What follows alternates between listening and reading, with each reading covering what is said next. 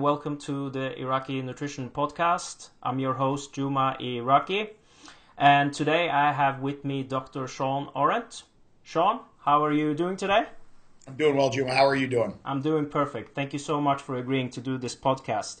So, My uh, so the topic for today is um, physique versus sports nutrition. And uh, I remember in April I was at the ISSN London conference and heard you speak on this topic. So I was really, really impressed with with uh, first of your how you present first off, but also the the things that you were talking about because I think it's a really important topic to to discuss in today's today's industry. So before we start, I just want to mention that this podcast will be available on YouTube in video format, uh, but you can also listen to it on iTunes and also SoundCloud as well.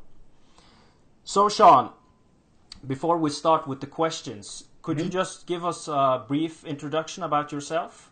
Sure. So I'm a professor at Rutgers University uh, in New Jersey in the United States. Uh, we're one of the top 64 research universities in the nation. so I work real closely with, um, I'm, I'm in exercise science, but I'm also the director of the Center for Health and Human Performance, which is a, a new facility that we just opened last October. Uh, so it's about 6,000 square feet. Um, we do testing and training in there. Uh, we do a lot with the teams at Rutgers, and for the the European audience that isn't as familiar with the the, the university here structure for athletics, uh, considered almost like semi-professional level or the uh, development programs that you get over in Europe with um, uh, some of the Premier Leagues and stuff like that. So it's pretty high level. We're in one of the major conferences here, so we have some pretty good athletes that come through here. Um, I'm also on the medical and scientific advi- advisory board for Quest Diagnostics uh, which does a lot with um, biomarkers, health markers, um, things like that. So my background is exercise endocrinology. Uh, so I deal a lot with hormones, especially stress hormones, anabolic hormones, and uh, you know I'm also the graduate director here. So I've got a great group graduates work with that a lot of the stuff taught today they've been a big help with as well. Perfect. Do you have any uh, background in uh, in sports yourself? Yeah, so I played competitively up through college uh, in soccer, or your version of football. Yeah. Uh, so European real football, right? Um, so I played. Uh, I also wrestled, played football, uh, American football. Um, you know, up through uh, Intel College as well. Uh, on top of that, once I was done with that, I competed in bodybuilding uh, for a number of years. I was uh, teenage Mr. Virginia. Competed primarily at the NPC level, at um, at, at least the regional and national level. Uh, so, you know, I'm familiar with both the physique and the sport side of, of what we do. Uh, I'd say a majority of what I do now is working with athletes, though clearly we still have a, a huge interest in hypertrophy and, and, and physique nutrition too. We do a lot of obesity work in my lab. Uh, so we're interested, you know, more in the weight loss side, not necessarily with the high level bodybuilding side. Uh, and then my wife was actually an IFBB pro in figure uh, until pretty recently. She just retired a few years ago. Uh, so anyway, um, I've seen it. I've seen it at all levels at this point. Impressive. I understand that she switched over to doing more of a marathon and endurance training. Yeah, which seems pretty incredible to go from you know a figure or physique type sport to somebody. She actually just did her 29th marathon. Um, so she's a sponsored athlete with uh, General Nutrition Centers with GNC, uh, and still continues with them doing a lot of their trade shows and um, and health and fitness expos uh, for them as well as running for them. And they sponsored her when she was in the IFBB as well. 29, that's impressive. I know. I don't know how she does it. Yeah. So, but I also understand that you you work. Uh, do you still work with the New Jersey Devils? So I don't anymore. I worked with them for uh, a season and a half. We did their preseason testing this last season as well. Um, but honestly, it was a, it was a great opportunity. Um, what they were looking for didn't really fit what our interests were when all was said and done. Um, but I think in the first season we were to implement, able to implement some pretty cool testing with them. Um, I'm starting to do a little bit more at the NFL level this summer. Uh, through Quest Diagnostics, so you know even that's been good, and I've actually been on the on the U.S. Soccer national staff since 1999. Okay, interesting. I actually enjoy play like I, I work with a lot of hockey players and they're definitely uh-huh. definitely my favorite athletes to to work with compared to I also work with a lot of soccer players and Yeah. you can comparing soccer to hockey, I just feel that soccer players usually are a bit lazy. Both yeah, the... I would actually I would agree with that. The exception is on the women's side. You know, so like our, our women's soccer players here at Rutgers, and I think you see this with our national team as well, is their work ethic and their um, their commitment has been phenomenal. But we also have a top four team in the country here. You know, we finished in the final four this year for the College Cup, which speaks volumes to the coaches and the players themselves. Um, but I would agree. I think hockey has probably been one of my favorite sports to work with. Uh, their work ethic is just different. You know, they're the only group that I that I remember consistently working with where you run, you know, consecutive Wingate tests on them, uh, or you, you, do VO2 max testing, you know, to the point where they're exhausted and they get off and they thank you. You yeah. know, there's a thank you, you know, because they know it's helping their performance. But um, just a great group of guys to work with. I, I, think that that's probably been one of the most enjoyable things I've done in my career to this point. I've done some really great stuff. Like I've, I've been very lucky uh, to have some of the opportunities that I have. It, it just it's been good. But the uh, the NHL side was was pretty unique and, and definitely a great group of guys. Yeah, yeah, I totally agree with the work ethic with with the hockey player. There's definitely something that sticks out with uh, those type of athletes compared For to sure. yeah. Okay, Shawn. So, um, like I said, today's topic is physique versus sports nutrition, and to just get the questions uh, started, like if if you if you look fit, like if you look uh, muscular and shredded, that doesn't necessarily mean that you will perform well. They're usually two two separate things. So you working with uh, with athletes, do you feel sometimes that the athletes uh, pay too much attention to the way they look, and can that potentially be detrimental for their performance? Uh, absolutely, um, and, and, it's probably more common than people realize, especially at the college level. Um, we see this a lot working with the female athletes. you know, they want to look good. the part they forget is that if you train like an athlete, you'll look like an athlete too. You know, so they get too caught up in in some of the body image stuff, and then it impacts performance. They don't eat enough. They're worried about weight gain. You know, whatever it is, and I think that that can be a real challenge to work on. The other thing too is when you look at where they get some of their information through popular media, through social media and things like that, so much of the information that's out there is about how to look better mm-hmm. and it really doesn't deal with function. You know, it's really an issue of form over function in that case.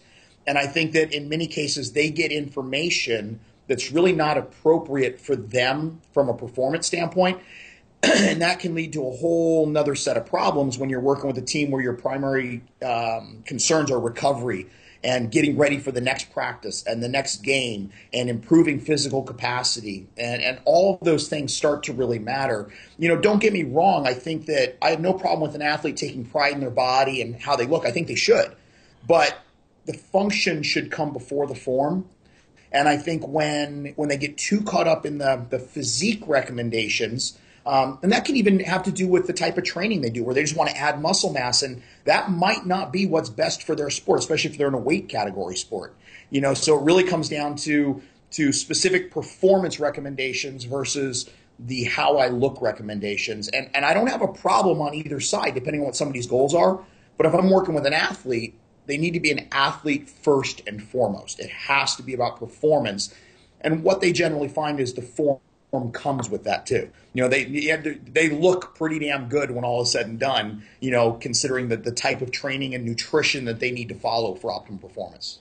Yeah, I totally agree. And a great example, uh, the thing that you mentioned that they get the information from the from the popular uh, media. uh, we have um, like the last year here in Norway, the government has had a really huge focus on reducing sodium intake okay. among the population because of um, hypertension and, and right. stuff like that. So I've had a lot of athletes come into me and they haven't really changed anything with their training or with their diet, but suddenly they start to cramp up, they start to perform worse and stuff. And when when I ask them what what have you changed lately, is I quit ingesting like I cut out all my sodium and right. why did you do that? And it's because that's what they recommend. So, yep, teaching them what's appropriate for you as an athlete compared to the normal population or other recommendation is is also really important.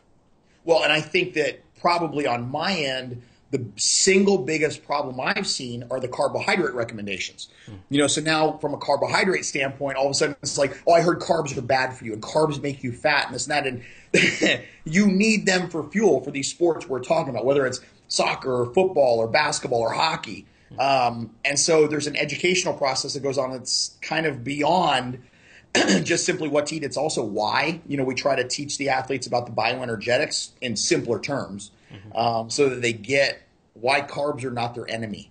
You know, and, and I think that to me, that is probably one of the biggest disservices that the physique side of nutrition has played for the athlete is this carb phobia Mm-hmm. Um, you know, it goes right along with gluten phobia, where now all of a sudden every athlete thinks they're also gluten intolerant and gluten's bad for me and this and that, and they start avoiding all kinds of things. And you know, there's just a lot of misinformation, or and sometimes it's not even misinformation; it's the wrong information for what they need. You know, and look, they're not all equipped to learn how to filter it. They don't know what applies to them and what doesn't. So they just look at what's getting the most attention and and if they're worried about how they look and things like that, some of the message gets lost in terms of what's really important for them. And I think that's where we run into problems. Yeah. I also think uh, usually when you work with teams or in a group, it's usually one guy that starts to test something and then the ball starts rolling and suddenly all the other guys also want to test it out, test it out as well. Well, the other thing I see too is it also applies to supplements. You know, so in other words, there'll be they'll be flipping through like the muscle mags or they'll be on you know whatever bodybuilding site and they'll hear about this new pre-workout or this or that or the other and I'll have athletes come to me, hey, what about this? And I'm like, it's banned in your sport. You can't take that. You know, like they don't always, they're not always able to filter that. And they also don't understand the difference between what works and what is mostly hype and marketing. You know, so even teaching the athletes the difference between supplements that, that really have research support for performance or health versus something that's just going to jack you up in terms of intensity and make you feel like you're ready to run through a brick wall. You know, there's there's a difference and it's helping them understand what works, what doesn't, what's quality, what's allowed. Um, it's a big part of the educational process. And unfortunately, I think because of the way that's happened at times, I think a lot of um, sort of sports medicine staffs will take the approach of supplements are bad. Yeah. Right? No, no, no, because you don't want to test positive and this has no research. So they just go blanket statement, don't take supplements. Man, there's a time and a place for supplements. They shouldn't be your whole diet, but they're a great way to get you know certain nutrients or or certain metabolites that can really help you perform but I think the educational process needs to be better there, and it can't just be based on what you see on a, on a social media post for somebody that might be advertising something. You know, and I, I think that that's where um, good information is really very, very useful. Yeah, I to- totally agree, and especially on on the supplements where basically you sometimes have two camps: one that promote use of a lot of supplements, especially yeah. the supplement industry, and then you have on the other end people that just say don't use anything at all. So I totally agree with you that some supplements that have a lot of data on them should be considered if they they can give an advantage to to the athletes. Absolutely. So. Yeah, and as long as you know, and teaching them what to look for that's not tainted potentially. You know, what does NSF testing mean? What is you know certified? You know, banned substances certified. You know, all these things. I think it's um, it's an important message to get out to them as prolific as the supplement industry has become. I mean, I'll be the last one to say don't use supplements, but it'd be the first one to tell you don't use certain supplements because they don't work. You know, and, and I, I kind of boil it down with a lot of athletes that I work with where there's maybe five or six that I'll consistently recommend. Outside of that, it's not that impressive. You know, that doesn't mean that more won't come down the pipeline that have promise I'm just saying, based on what we know now and what you can feel good about investing your time or money into, there's not a lot. And to me, that's a good thing because I never want the athletes to think that that's their ticket to performance. I think quality of training, quality of diet, quality of sleep, all of those things have to come first.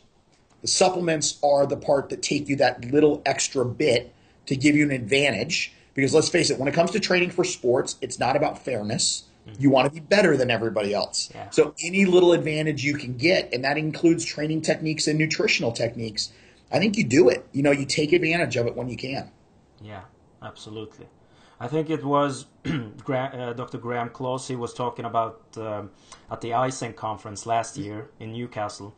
He was talking about that uh, there was pretty low number of athletes that knew what the logo informed sport was on the labels. Yeah. Um, and uh, he also showed where do athletes get their information on supplements from. So uh, nutritionists and um, like the, the staff weren't high on the list. It was more teammates or uh, the general media. So it's still a lot of work to do, uh, obviously. You know, and Graham's a perfect example. Um, God, he does he does great work. But the thing I also love about him and and a lot of the guys over in the UK is the fact that not only do they do the research, and this is the model I try to follow here as well, is not only do, do we do the research, but we also work with high level athletes. Yeah. So being able to take the, the research into practice, I think becomes critical because it forces you to ask the so what question. You know, how and why does this work and what does it really mean? And I think that, you know, Graham and some of that group have really been at the forefront of being able to do that and I think that their ability to educate athletes along the way is is critical. You know, and so kudos to that whole group because uh, you know I, I like the model they follow because it's the same thing I try to do as well. Yeah, I I totally totally agree on that.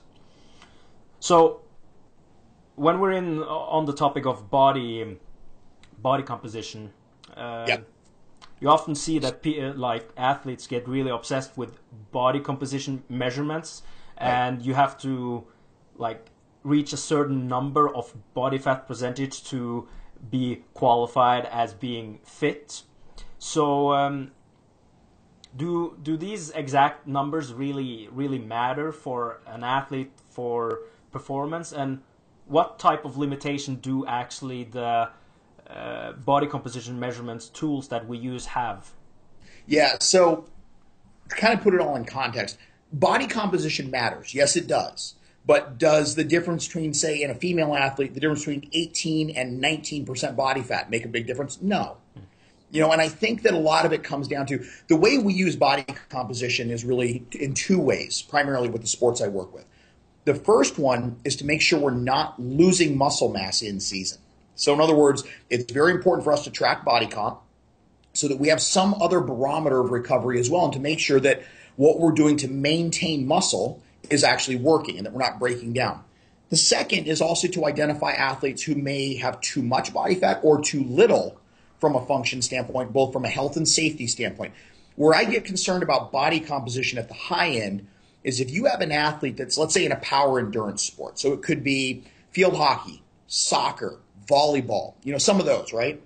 The problem you have is if they're carrying too much body fat and they land and cut that's a lot of extra weight that's not carrying its own weight. So in other words, it's not only does it impact performance, but it impacts injury risk as well.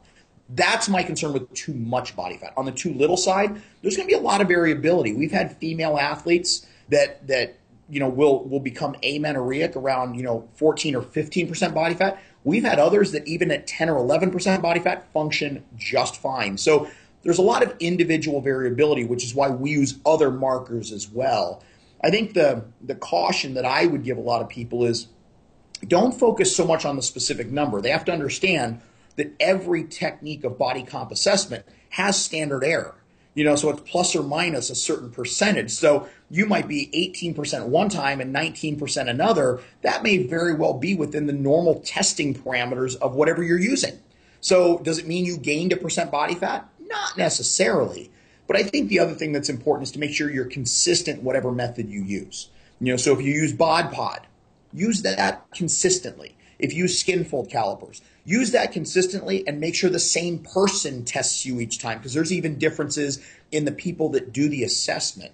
You know, I think it depends on what you have access to. You know, it'd be great for me to sit here and tell everybody to go get a DEXA done, but there's there's inherent flaws in DEXA as well. And not only that, but it's expensive and it's great for bone density from the standpoint of, of muscular versus fat components. From a segment standpoint, in terms of where you're carrying it, it's awesome. Otherwise, you know, do I prefer it over other techniques? Not when I'm working with large teams necessarily, or just teams in general, because I think that some of it comes down to ease of use. You know, if you have a, a, quicker protocol that you can get an entire team through, the coaches are more likely to give you that time to be able to do it. And so I think all of those things matter. But no, you know, don't get caught caught up too much in the, the specific number. What we normally do with our athletes is we give them a range that they're in. You know, so kind of like an optimal, a very good, and then you know you may get to a point where it's like, ooh, too high, too low. And we try to work with them on that from a from a health and performance standpoint. But like I said, we typically use it to try to track changes.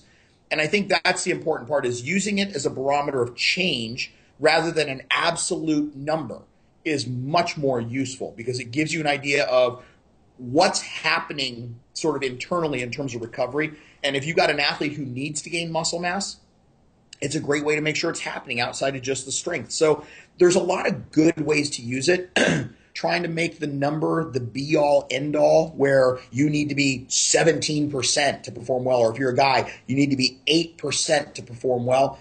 I think people miss what that really means. You know, and I also laugh when I hear a lot of bodybuilders say what their percent body fat is. And they're like, oh, yeah, I was like 2% body fat. I was 3% body fat. Honestly, I'm like, no, you weren't. I'm like, do you understand how low that is and how dysfunctional that is?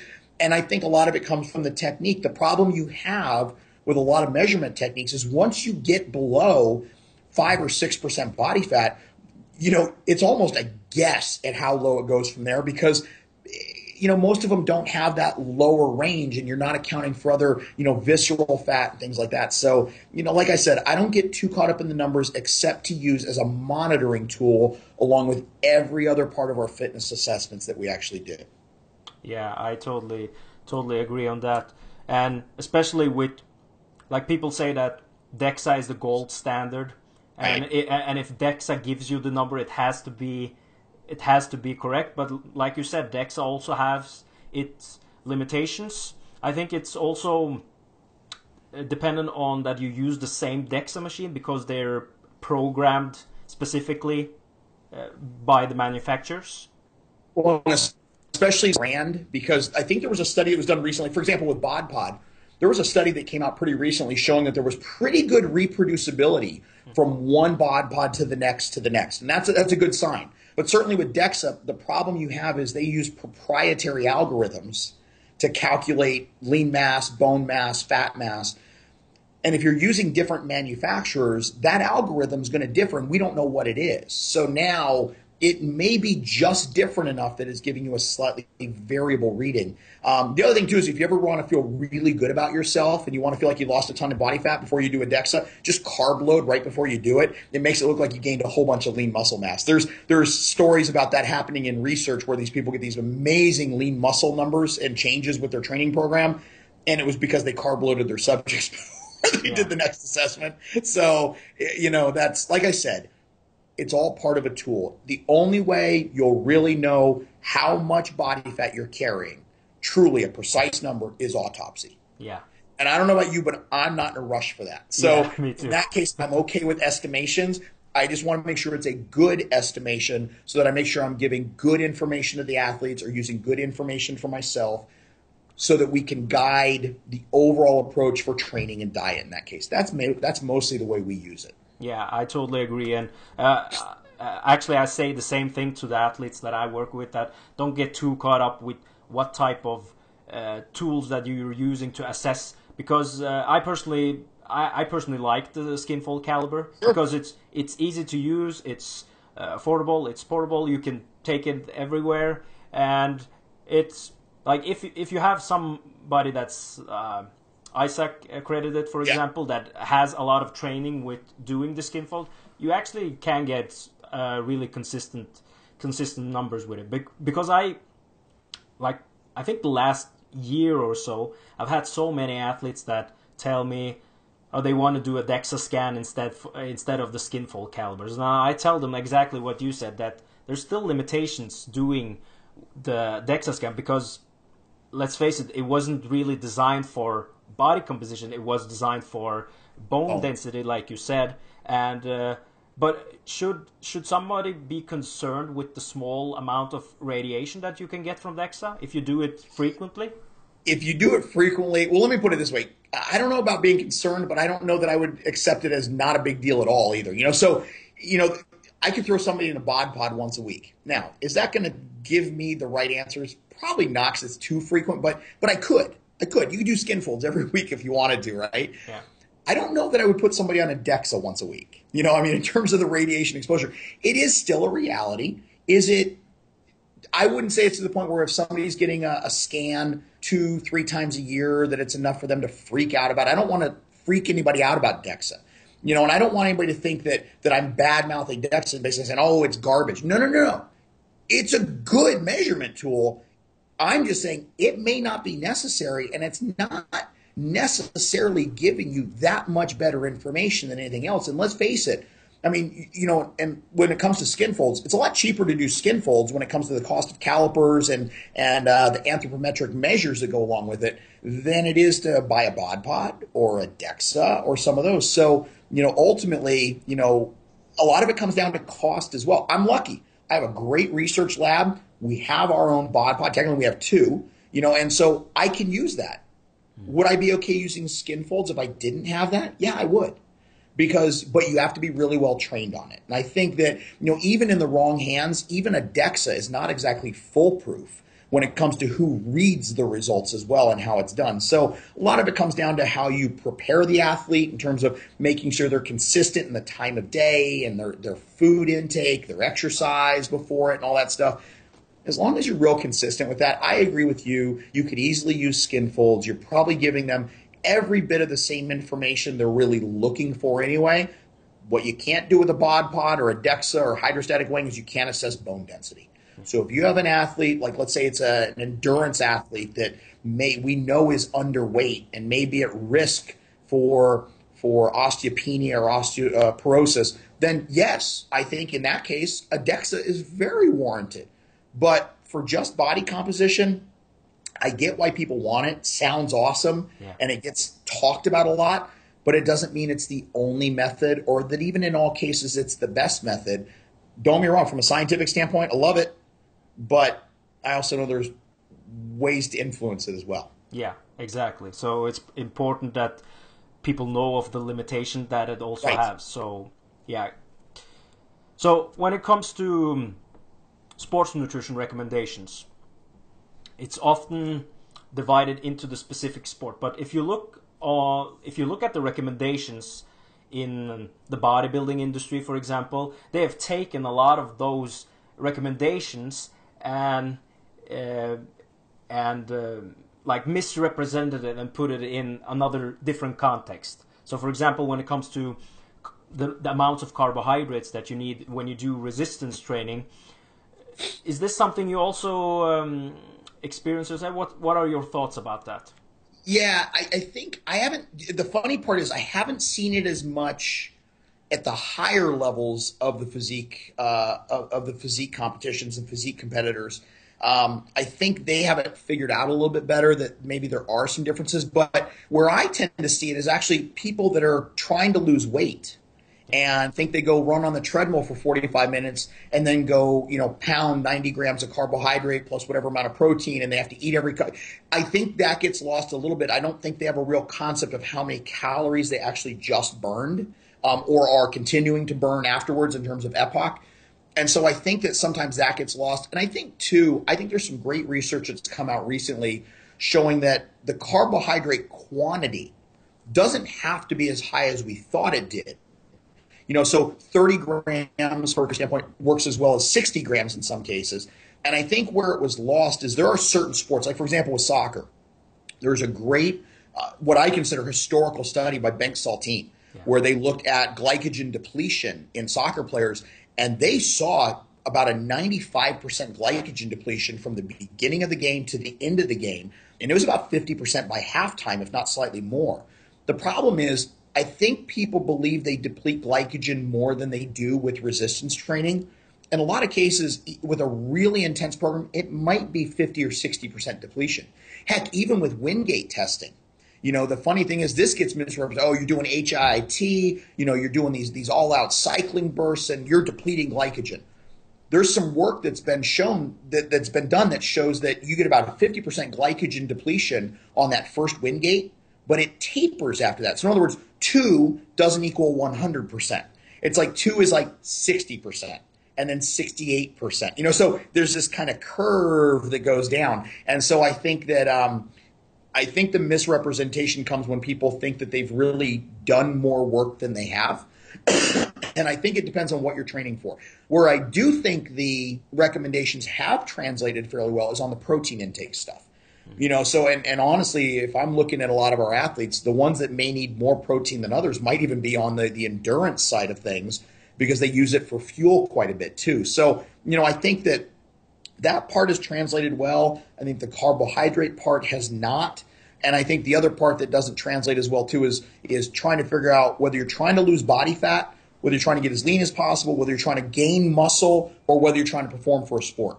You know, I think being able to separate out the differences in terms of everything from caloric deficit on the weight loss side to um, a, a, protein accumulation on the hypertrophy side to glycogen replenishment on the performance side. I think you need to distinguish what the goals of that session, that workload, and and really your program are trying to be so that you know how to match those needs. And even for an athlete, you know, we could make a strong argument for periodizing nutrition depending on which of those areas they're trying to target throughout their off season or preseason to get the most out of their training. So, you know, I think there can be periods of high carb intake versus low carb intake. I'm not a keto fan when it comes to ketogenic diets for for almost any athlete. Um, and I think if nothing else, for those that would argue that keto works for endurance sports, um, I still have yet to see the study that shows that it works better. You know, and I think when you when they tell me, oh, but the the keto ad, the fat adaptation period wasn't long enough. You know, give your athletes at least six weeks. I don't know about you, but having worked within hockey in the NHL, their off season is about two to three months, about two months if they make it to the Stanley Cup. The problem is I don't have six weeks for an athlete to fat adapt because they're going to miss a whole bunch of quality training in that period of time. So I think it depends on what you're gearing up for and how you're trying to use it. And I think that that has really gotten lost on the performance side Maybe there's some benefits on the physique side. Still haven't seen those be any better than anything else. But, you know, these are things that get promoted. And I think this is where there's a little bit of lost information transitioning from sport performance to physique development. You know, and I think the thing I try to remind both athletes and physique competitors of is that for an athlete, the single most important time to be able to perform is on the day of competition. Right? I mean, if you're at your lowest point on the day of a game, you're kind of screwed. On the other hand, if you take a physique competitor, the time where they're probably at their worst performance is on the day of competition because they have nothing left in the tank. It's all about how they look. They've depleted, they're at their weakest. So it's a very different um, approach in terms of the continuum for what you're trying to do in that period of time. And I think that's the part they have to keep in mind as they're trying to figure out how to strategize their diet and their training for what their goals are. It's not a one size fits all approach. Yeah, I totally agree. And back to the the Saltin study that you mentioned, yeah. Uh, I th- I think they actually when they look at how much the athlete were walking during the game, the high carb group was walking 25%, but the low carb group was walking 50% of the game. Well, and you know, and it's funny, even in soccer, this part, you know, you're talking 90 minutes. If it goes to added time, you've got whatever time spent at a high intensity. But we have athletes, you know, and we're lucky. I mean, some of the data that we have on our teams here is unbelievable from a training load standpoint. But yeah, there is a good portion of the game that is spent walking, mm-hmm. not as much spent sprinting as everybody thinks, yet that might be the discerning time. Yeah. So, in other words, getting to that 50 50 ball, and if you have a little more left in your tank, especially in added time, that a 50 50 ball turns into a 60 40, yeah. you're getting on the ball and you're getting a goal. You know, and I think it's those little advantages that make a big difference. I'd say for a majority of the people that consider themselves interested in physique that aren't competitors per se, but just want to look better. I think sometimes you can get too caught up in the small details when you're not taking care of the bigger picture. When I'm working with a competitive athlete, especially at the level we work with them and above, little details make a big difference. You know, now you're talking about gold medals that are won and lost by two one hundredths of a percent. You know, and so those little differences can be a big deal, and, and that's where the details do matter. I think on the other side, you really got to look at big picture and figure out what the most important things are. Then you can start working on the details. And same thing with athletes. If you don't have the bigger issues ironed out, it's not going to matter whatever the details are, but the details probably matter a little more when all is said and done too. Yeah, I totally agree. And like you said, uh, I still haven't seen a study that shows better performance when you do a ketogenic diet. Uh, Louise Burke has a great review on this. Yes, that uh, that tracks awesome work. Yeah, awesome work on uh, on um, looking at ketogenic diets for performance. And actually, the only studies that I've seen that shows that there's no difference, it's usually uh, low to medium intensity uh, activities and not high intensity. Even in even in marathon that people think are medium intensity, when they actually look at the sprint at the end, Yeah. they actually see detrimental effect when you don't ingest enough carbohydrates. Absolutely. And I think there was some really good data at the ACSM conference last year, so 2015, where they've actually shown that, you know, can you run a marathon on a keto diet? Yes, absolutely you can. But what's the fastest you could expect to go? You're probably not going to break three hours if that's your main fuel. And that's not going to win you any marathons. Yeah. You know, that, that reality is at the elite level. Now, for ultra endurance, heck, even with ultra endurance, and, and I guess the part that I laugh at a little bit is that with ultra endurance, you'll see people and say, oh, well, this athlete won this ultra endurance event being a keto athlete. And my thought is, yeah, but I bet we could probably name a hundred others that have won that weren't. Yeah. You know, so it's that's great that you have that example, but that's that's maybe a little bit unique, but at the same time, I still haven't seen enough evidence to suggest it's better. And so I guess my question always comes back to, but why would you? Yeah. You know, and, and I guess, and you heard me talk about this at ISSN in London, is there is a big difference between can we and should we? Yeah. You know, and just because you can run a race if you are keto adapted and you follow a ketogenic diet, should you? I still haven't seen that evidence. Yeah. You know, and if there's a need for a higher intensity, I think the work that's shown that that that fat adaptation causes a reduction in pyruvate dehydrogenase activity. Now all of a sudden, when you need it, you can't even use carbs as effectively. Yeah. That's a problem. Yeah. You know, and, and I'm, you know, when I look at athletes, let, us take the ultra endurance stuff out of it. Let's look at everything from triathletes to soccer players to hockey players, whatever it is. I can't think of a scenario for them where a ketogenic diet would be a better idea. You know, it just it, not in those power endurance type of sports. It just doesn't make sense to me. Now, medically, I think there are some amazing applications for ketogenic diets. There's even some good information on fat loss and weight loss with them. But I think what you see with those in particular with the fat loss and weight loss is that the best diet is the one you stick to. You know, so it doesn't have to be keto. It can be all kinds of things. Hell, there's even evidence that the paleo diet works. Not because the theory behind it's right. It's because people cut out the crap in their diet when they follow it. So you're getting rid of a lot of the stuff that you shouldn't be eating. And, and so I think that ultimately what you can adhere to becomes useful. And I think the other thing that I want people to understand is with some of these studies that are coming out now where they promote these keto diets, they're not actually a ketogenic diet. They are a low carb, high protein, high fat diet.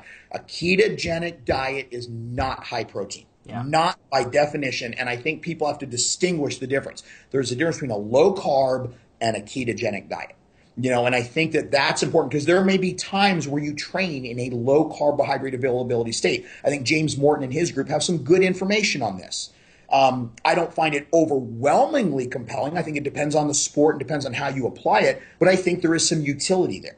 Yeah. Um, but in terms of the keto side, I don't think that's been supported to the degree that everybody thinks. Yeah, I totally agree, and I think I think a lot of work that that uh, Dr. James Morton um, does on carbohydrate. The one thing that I've noticed is that like sports nutrition used to be like more of a shotgun approach with Yeah. carbohydrates. That the more the Right. better, and now it's more like gears towards that you customize it based on the Yes. demands that you have and that you periodize it during the week. And I think that's a more sensible approach to to do and it it's good to see that it's moving forward on on that end that it's not Absolutely. Even even with with the, the different types of sport, you see like uh, cross country skiers, they might need the highest amounts, but right. looking at take powerlifters for example, you don't need like 10 to 12 grams per kilogram of body weight to no. perform in powerlifting.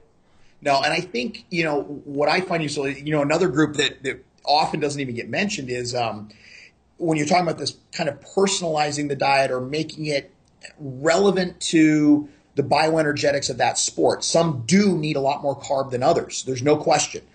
The other thing too is when you're working with some of those sports that need a high carbohydrate diet, and then all of a sudden one of the athletes gets injured. One of the other things to teach them is they can't keep eating like they did when they were playing because then they just gain a lot of weight. So even learning to titrate the calorie requirements, of they need enough calories to heal, but they're not expending the same number of calories they were when they're playing a 90 minute match twice a week, you know, on a, in addition to practice. So even that group, you need to fine tune the details. And, and I'm, I'm a big fan of that. I, I don't like making over generalizations. I think we can make some generalizations about what doesn't work, but I think in terms of what does work, I think actual percentages, actual dosing will vary from sport to sport, but I think we can come up with some fairly robust recommendations that at least put you in the ballpark, and then you can move it up or down from there without having to get overly inundated with the details where the athlete gets lost in the process. Yeah. You know, and I do think from a scientific standpoint,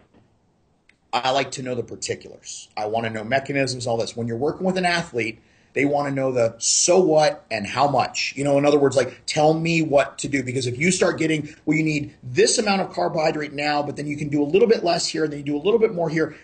With some of the athletes we work with, oh, we would lose them. You know, they would get so confused. And so I think it's an ongoing educational process. And I also think there's a unique ability in the people that are really good at working on the applied side to be able to boil down the information into the critical messages.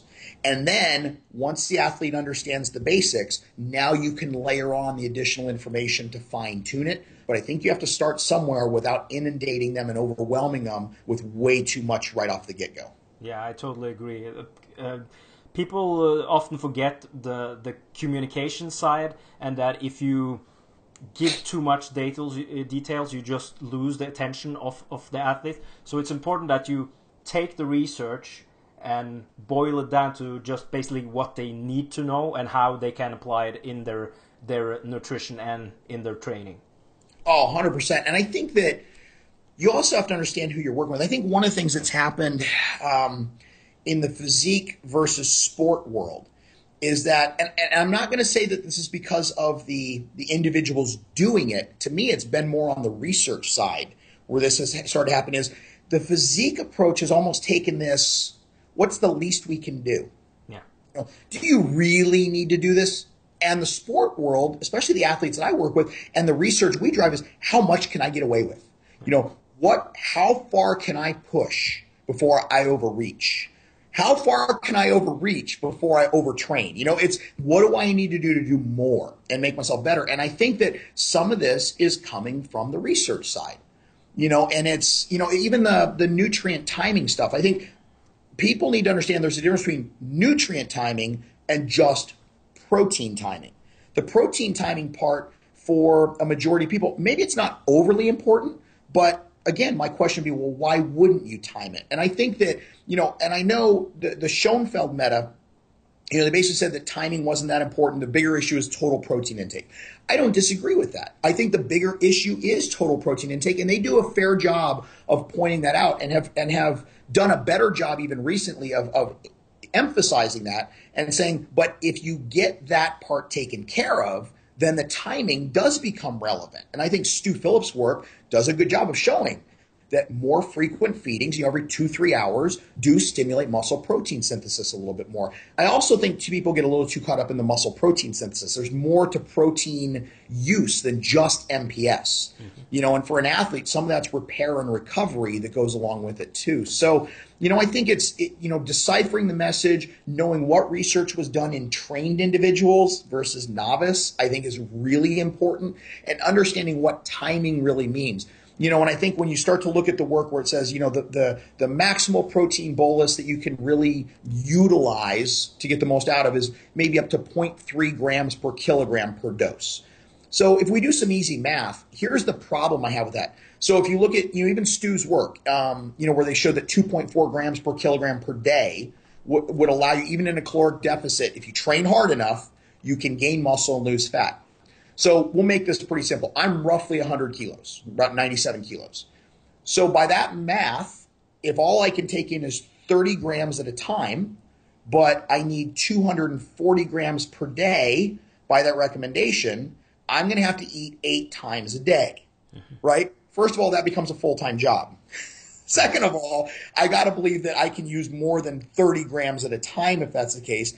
And the other part is no matter how you cut and slice that, clearly timing's going to matter to me because as soon as my workout's done, I'm going to want to eat protein because it's probably been about three hours since I had my previous protein intake. So, you know, the, the timing, especially if you're working with somebody who does train hard, who trains multiple times a day, that's another big one. If you're, if you're training, you know, one or two or even three times a day with some of our athletes, timing's really critical because you need to get ready for the next session.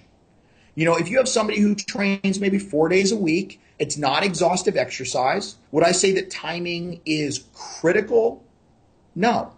Would I say it doesn't matter? Uh, I don't know that I'd go that far. I would just basically say if you can't eat something right away, don't panic. But there's no point in not doing it if you have the capacity to. So, you know, I just think it's all in how you parse out the message. And I still, I think one of the reasons I like doing the research on the performance side is I like pushing boundaries. I like seeing how much we can do and when to pull back to get the most out of your athletes rather than how little we can do. And look, some people would argue, yeah, but if you can find the least effect, the, the lowest effective, effective dose, isn't that more efficient?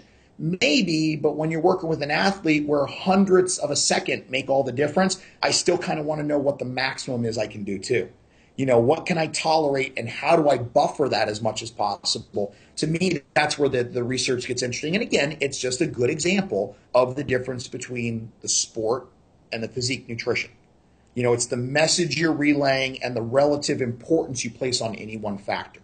Yeah, I totally agree, and it's such a great point that you you brought up because nowadays, if you look at the fitness industry, it's like like you said, nothing matters anymore. Just do what's just do what you want. And the the thing is with with nutrient timing is that I think it's more about like you said priorities. If you have your total protein, that's the next step that you can focus on. But exactly nowadays, you see people in the gym if they see a see a bro at the gym drinking a protein, it's more like, oh, bro, you're such an idiot for drinking a protein shake. It's not that it's detrimental to your.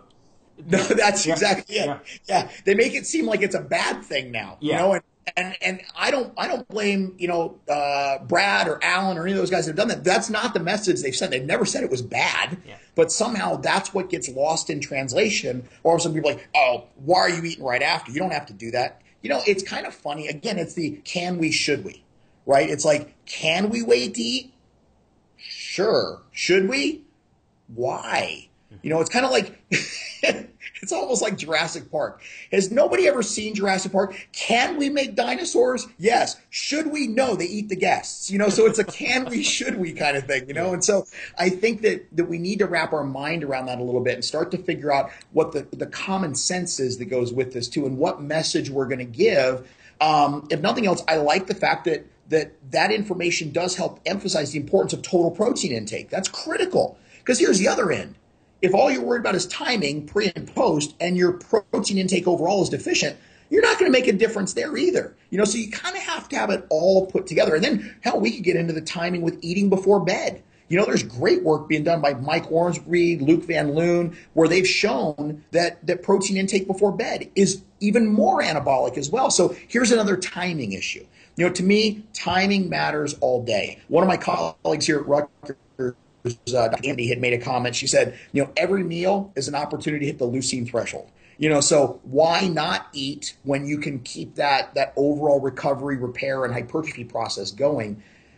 You know, like I said, I just think it's uh, it, it shouldn't be the path of least resistance. I think it should be an ability to push your boundaries, um, find out what helps you do that to the maximal effectiveness. And you know, it's even like the the high rep training you know, the 30 reps to failure versus a more traditional 10 RM. well, okay, great. They both maybe work for hypertrophy. The, the heavier weight's been found to be better for strength, though. But here's where I get lost in that a little bit is that 30 rep program just took you three times the, the, the, the total time. How is that efficient at all? And you're not producing better results. It's one thing if you're working with an athlete where you basically tell them if you put in more time, here's the added benefit you get when you can't even show me what the added benefit is, only that it's as good, but it takes longer to do, that I don't understand. You know, I, I think it's it's great from a scientific standpoint. It brings up some interesting mechanistic questions. From an application standpoint, I find it completely uncompelling. You know, because why am I going to use that? You know, and even then, if I have somebody who can't lift heavy, heavy weights, honestly, 14, 15, 16 reps, that's not exactly heavy weight. You know, so even splitting the difference might make more sense. But but I get why it's done. I just it just doesn't present the same story that I think a lot of people believe it does because it's a cost to benefit issue. Yeah, I totally I totally agree on that, uh, Shawn.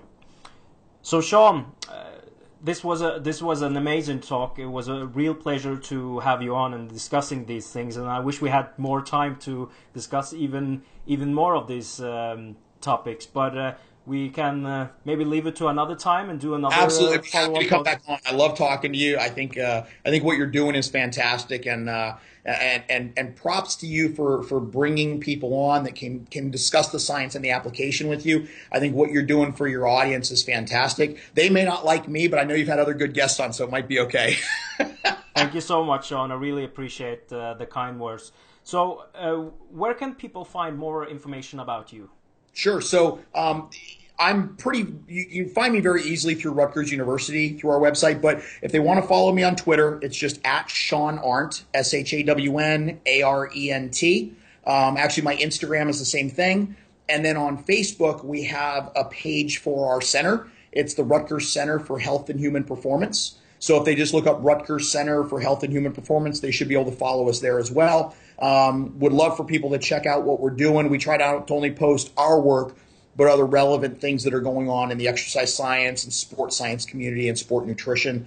Um, and I think, uh, you know, for any of the people that listen to this, any opportunities they have to attend some of these conferences um, that speak to sport nutrition and training modalities, uh, you know, take advantage of it we just got back from the International Society of Sport Nutrition International, the, the main conference in Clearwater, Florida. And man, it was a great program this year. We had some phenomenal speakers, great attendance this year. So between that, National Strength and Conditioning Association, American College of Sports Medicine, the stuff you guys have over in Europe, um, you know, take advantage of it. I think it's a great educational opportunity and it helps you work around just the social media crap, you know, and, and the one thing I will caution people about is just remember, just because somebody has a lot of followers doesn't mean they know what they're doing.